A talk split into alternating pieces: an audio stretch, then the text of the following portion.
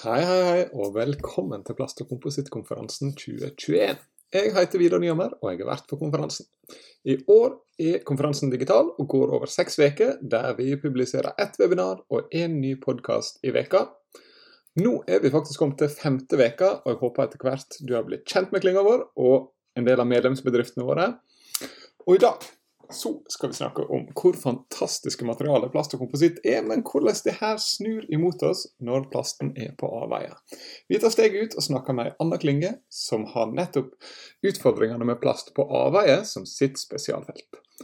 Og med meg i dag har jeg leder i styringsgruppa i Marine Recycling Cluster, Kjersti Eline Busch. Og du skal få høre om hva de gjør, og hva vi kan samarbeide med dem om.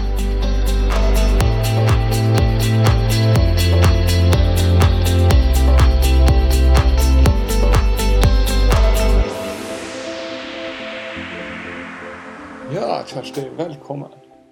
Du er som sagt styreleder i Marine Recycling Cluster. Men du gjør òg en del annet. Kan du starte med å introdusere deg sjøl og fortelle litt på, om hva du gjør til vanlig? Ja, jeg er en av gründerne i bedriften Salt, som ble starta for elleve år siden. Og så er jeg daglig leder i bedriften. Og sjøl har jeg en bakgrunn med doktorgrad i akvakultur, og har òg studert mye marinbiologi. Så min inngang til marin forsøpling er, er at jeg har vært eh, veldig interessert i havet, og at vi etter hvert har sett at marin forsøpling er et problem ikke bare i tropiske land, men òg i våre egne nærområder. Så for Salt har marin forsøpling blitt et veldig viktig arbeidsfelt, og er et av de tre fagområdene vi jobber med. Eh, så, så for vår del så, så handler det om å prøve å forstå problemet, og se hvordan vi kan løse problemet. Og Derfor syns jeg det er veldig spennende å, å sitte i denne podkasten sammen med deg. Jo, det er veldig spennende. Og Salt, dere har jo uh, utrolig mange spennende prosjekt på gang. Men så er du jo òg engasjert, som jeg sa, i Marine Recycling Cluster, eller bare MRC, vi kan kalle det òg. Um, og dere jobber jo i lag med veldig mange andre uh, bedrifter der for å forhindre marin forsøpling. Hva er det egentlig som inngår i det begrepet, marin forsøpling? Ja, i, i, MRC når vi jobber med marin forsøpling, så er vi opptatt av eh, hovedsakelig plastforsøpling. Det handler om at plast er den, den delen av forsøplingen vi ser mest av.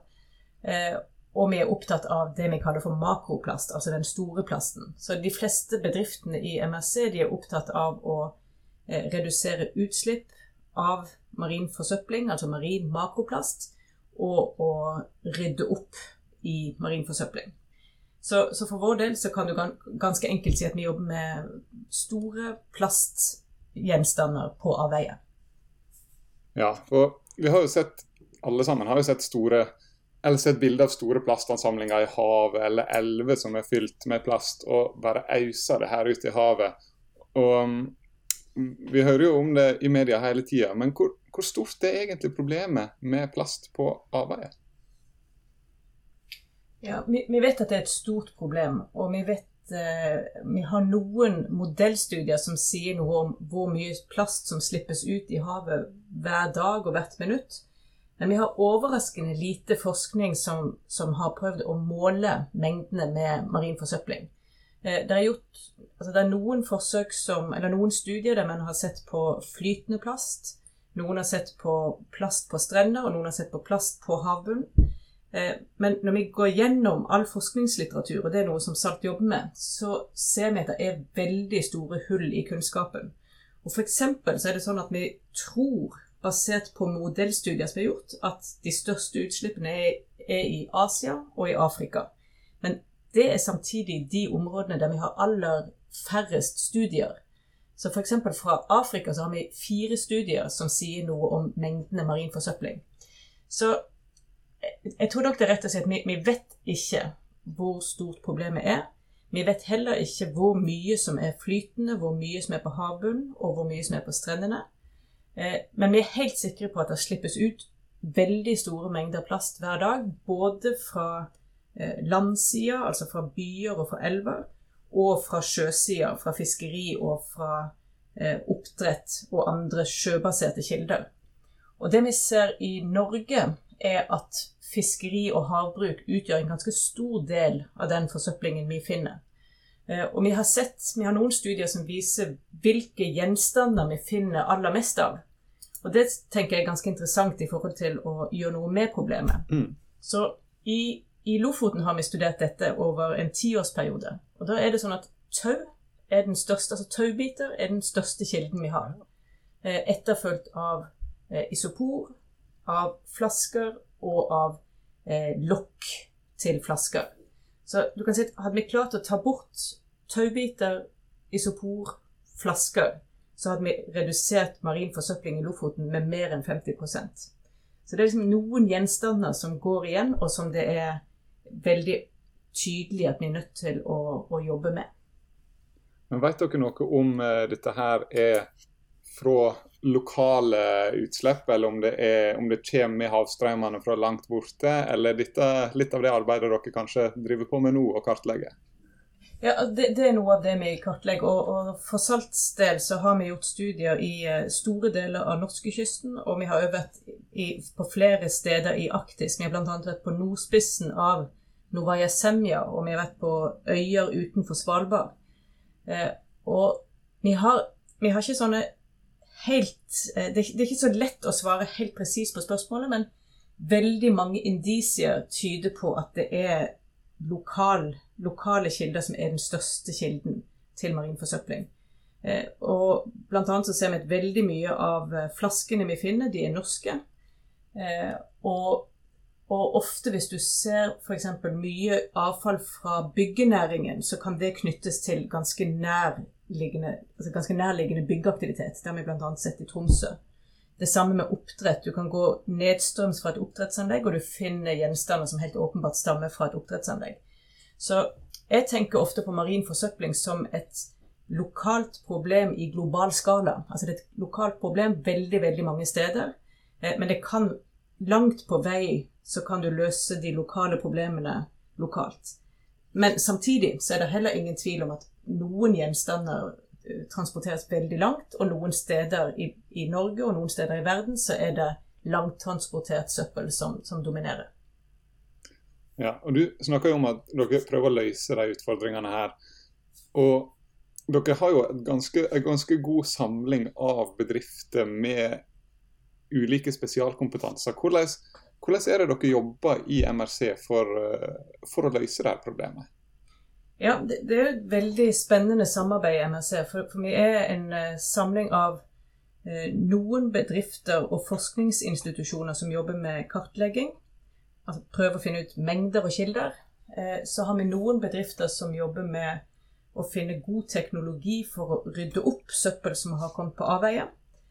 Og så har vi bedrifter som jobber med gjenvinning av marin forsøpling. Det kan både være gjenvinning av søppel som har vært i havet, men det kan òg være gjenvinning av søppel som, eh, som ikke kommet, altså som ikke har blitt til marin forsøpling, men som kunne blitt det. Eksempel på det er jo fiskeriutstyr. Altså det å få god gjenvinning av fiskeriutstyr er jo en måte å hindre at dette blir eh, marin forsøpling. Så MRC, vi, vi, tenker at vi er i en verdikjede der vi skal jobbe med alt fra liksom kilden til marin forsøpling til opprydding, og til og med eh, om ikke gjenvinning, så, så i alle fall liksom leddet før gjenvinning. Gjør dette materialet klart for gjenvinning. Så Den delen av kjeden er det vi jobber med. Ja, Der ligger det jo et, egentlig et ganske stort potensial for samarbeid mellom våre to klynger i og med at vi tar denne resirkuleringsbiten ganske, ganske grundig i NCMT. Men når du snakker om fiskeriutstyr og Uh, Nå er det vel sånn at en gjerne må betale litt for å levere inn fiskeriutstyr og sånt. Har, Um, hvordan ser dere på denne utfordringa med å skape insentiv for fiskere å levere inn og plukke opp og gjøre litt arbeid sjøl? Ja, det er jo en ordning i Norge som heter Fishing for litter. Som, eh, som eh, der er Salt prosjektleder på vegne av Miljødirektoratet. Og Det er en ordning som, som er et pilotprosjekt, og der fiskere får lov til å levere utstyr som de får opp når de går i normalt fiske. Eh, så en tråler f.eks. som får søppel i trålen, kan levere den søpla gratis på land. Eh, nå ønsker Klima- og miljødepartementet å gjøre om på denne ordningen, sånn at det i framtida skal bli sånn at alle havner er pålagt å ta imot den type avfall. Eh, og det skal finansieres gjennom en havneavgift. Og den havneavgiften må alle båter betale uansett. Sånn at det, det blir ikke lenger at du må betale per kilo avfall du tar med fra havbunnen, men, men det inngår i den generelle havneavgiften. Og så pågår det jo et, et uh, politisk arbeid i forhold til å få en produsentansvarsordning på fiskeriutstyr. Og det er jo en ordning som gjør at man betaler for avfallshåndteringen idet man kjøper utstyret. Sånn at da har du på en måte allerede betalt når du kjøper tråden eller garnet. Helt sammenlignbart med elektronikk eller eh, panteflasker. Der har vi på en måte betalt for jeg skulle til å si det. Det blir litt som en panteordning, det òg. Og det, det, blir jo aktuelt nå som et virkemiddel i veldig mange, uh, veldig mange bransjer. En snakker om det både innen uh, klær f.eks. Og, andre, andre produkter. Så det er jo veldig, veldig spennende å se at det er tenkt tanken uh, på det området her òg. I NCMT så har vi veldig mange medlemmer som jobber egentlig med å øke holdbarheten til produktene våre. Der lang levetid og god holdbarhet det er jo et av hovedargumentene for et lavt CO2-avtrykk gjennom livssyklusen til et produkt. Men når plasten da endrer status fra å være et veldig bra materiale med gode egenskaper til å være plast på avveie, sånn som vi snakker om i dag, så har jo de egenskapene her litt motsatt virkning. Um, og i forhold til å uh, på et industrielt nivå, industrien i Norge, så hvordan kan vi gjøre det for å hindre at mer plast kommer på avveier, sånn fra produksjonen sitt standpunkt?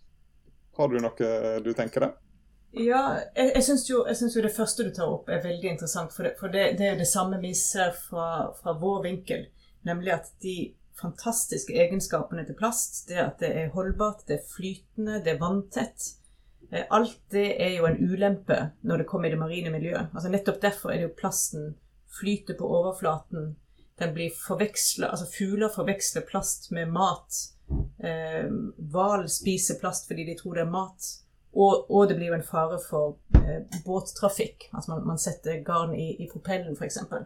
Så, så nett, det er nettopp de gode egenskapene som er utfordringen i det marine miljøet. Og en, en, en ekstra viktig, et ekstra viktig element her er jo pris. Altså det at plast i utgangspunktet er billig, gjør jo at den lettere blir til avfall. Det er, det er altså Mye av den plasten vi ser, er jo eh, engangsemballasje som, som er, har blitt til søppel etter en veldig kort eh, levetid. Eh, så, så jeg tror jo for min del så er jeg langt fra en person som tenker at man skal forby all plast, fordi jeg ser hvor viktig dette materialet er, og hvor mange bruksområder det har. Men og, både det at vi nå har begynt, altså EU har jo begynt å forby engangsplast, Norge har òg fulgt etter på det. Det tror jeg er en god måte å gjøre det på. Altså man tar bort de, de eh, plastproduktene som er lette å erstatte, og som òg har et stort forsøplingsproblem. Og så har du andre utfordringer, sånn som det med, med fiskerinæringen. Og der, der, må jeg at vi har et, eh, et veldig godt samarbeid med fiskerinæringen. Og vi ser at veldig mange fiskere og fiskeorganisasjoner jobber nå målrettet for å hindre utslipp. Eh, og der tror jeg det handler om praktiske systemer om bord på båten, og så handler det om å endre noen handlinger om bord. Eh, noe, av det, altså noe, av det, vi ser veldig mye av, er jo sånne små taustumper på avveie. Og Der handler det om at hver enkelt båt må finne måter å hindre at, at, eh, at de taustumpene kommer på avveie. Altså, når man står og gjør reparasjoner og bruk, kan man finne måter å sørge for at dette ikke forsvinner over bord. Eh, et annet materiale som, som, er veldig spennende å diskutere med NCMT, er jo isopor. For det, er, altså det at det er så lett ser ut til å være en grunn til at det veldig ofte havner på avveie. Kan man finne andre materialer som kan erstatte isopor, eller kan man finne andre måter å hindre at dette blir et, et avfallsproblem? Ja, det er jo en veldig, veldig stor utfordring. Og mye av utfordringa i forhold til gjenvinning ligger jo òg i uh, materialet sin natur når det gjelder isopor, med så mye luft uh, i det. Um, og det er jo noe som uh, flere ser på muligheter innenfor, men som er, er en utfordring der. Så, men uh, der er jo mye arbeid som pågår i forhold til det. Jeg tenker litt tilbake nå på torsdagens uh, webinar. Da hadde vi Empower med oss. Uh, og Wilhelm Myhrer han snakket mye om det her å gjøre disse her sirkulære verdikjedene økonomisk bærekraftige.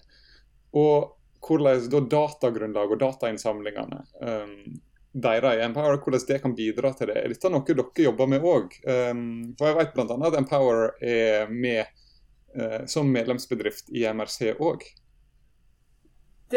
vi, eh, vi, ser iallfall den samme måte, løsningen. Eh, det å lykkes med sirkulære verdikjeder handler om veldig god kommunikasjon mellom produksjonsleddet og gjenvinningsleddet.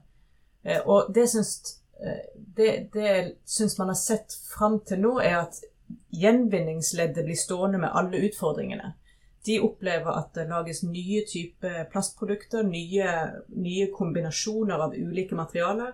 Og så er det de som må finne løsningen på hvordan man skal eh, sortere og demontere og, og gjenvinne de ulike materialtypene.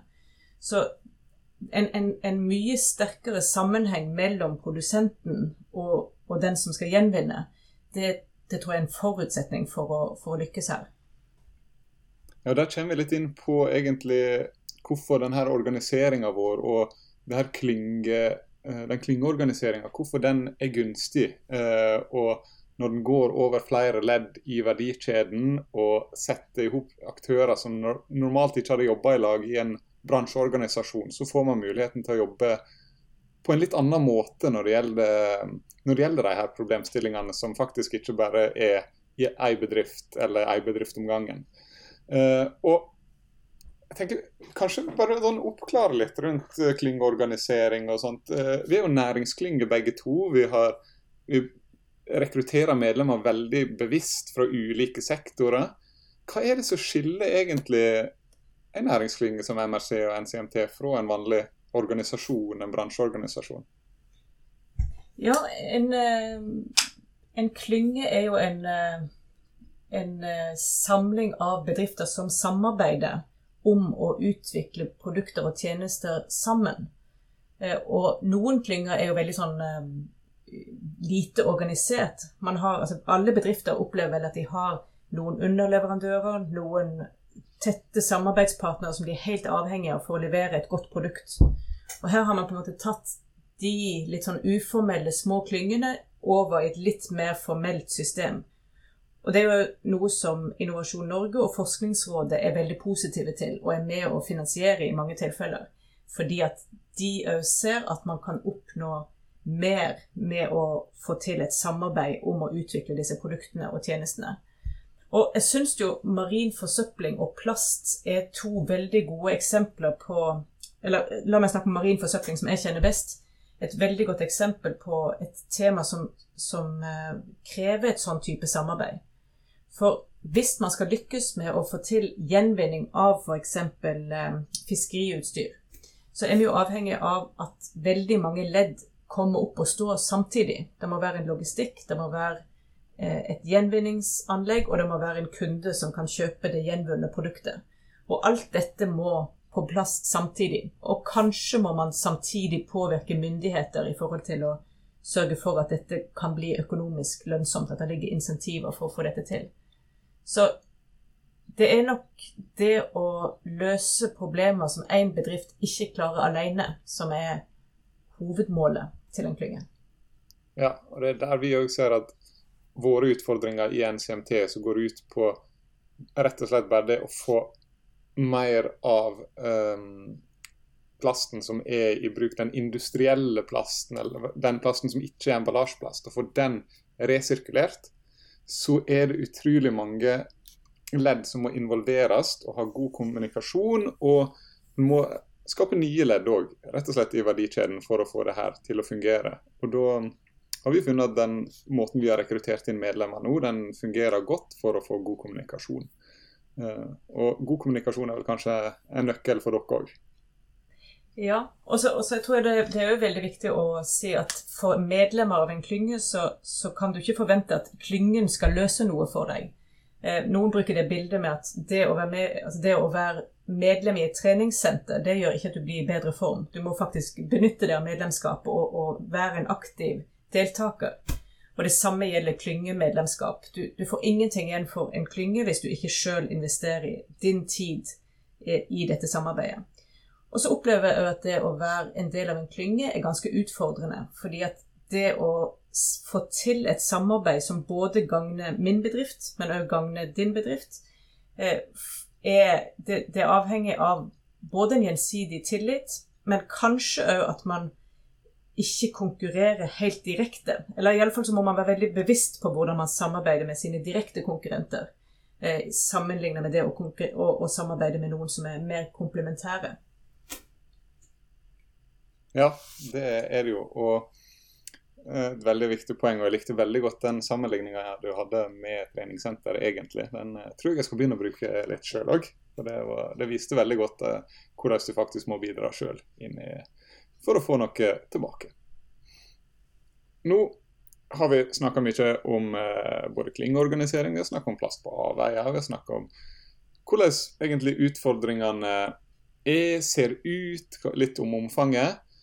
Eh, men hvis vi som har veldig mange produsenter med i, uh, i vår klynge, hvis vi skal gjøre vårt ytterste for at det blir mindre plast på avveier, så må vi jo kanskje gjøre, litt med produksjonen. Vi må gjøre litt med materialvalget og distribusjonen. Har du noen tips inn der mot hva som går an å gjøre fra vår side, eller hva dere ser hvor skoen trykker?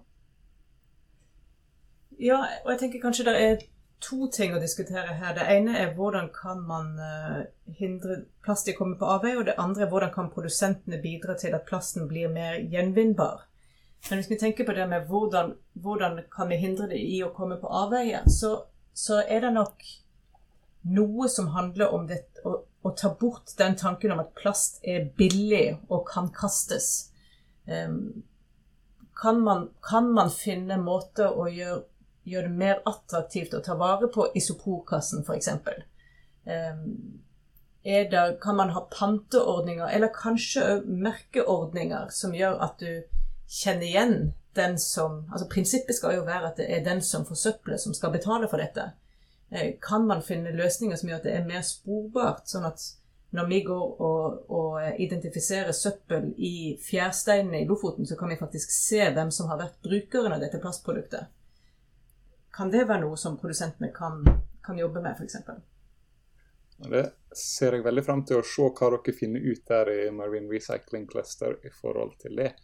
Og når du òg snakket om det, hvordan vi designer for resirkulering, så er det kanskje der jeg ser for meg at vi eh, har en veldig stor sjanse å bidra i, med, blant medlemmene i NCMT. Eh, og allerede nå på torsdag så skal vi ha et webinar om akkurat det temaet, om sirkulær design, eller design for gjenvinning. Først der så møter dere Carlos Soler fra Nordner. Han skal snakke om det som heter self-reinforced composites. Uh, som da legger grunnlaget for en rett, lettere resirkuleringsprosess.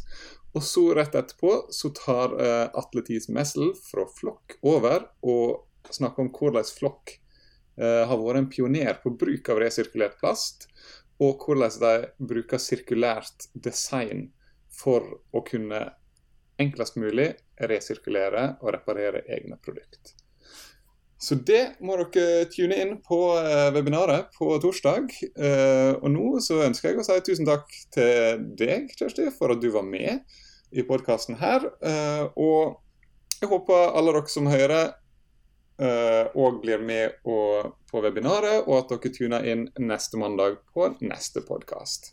Og da sier jeg eh, takk for i dag, og tusen takk for at du.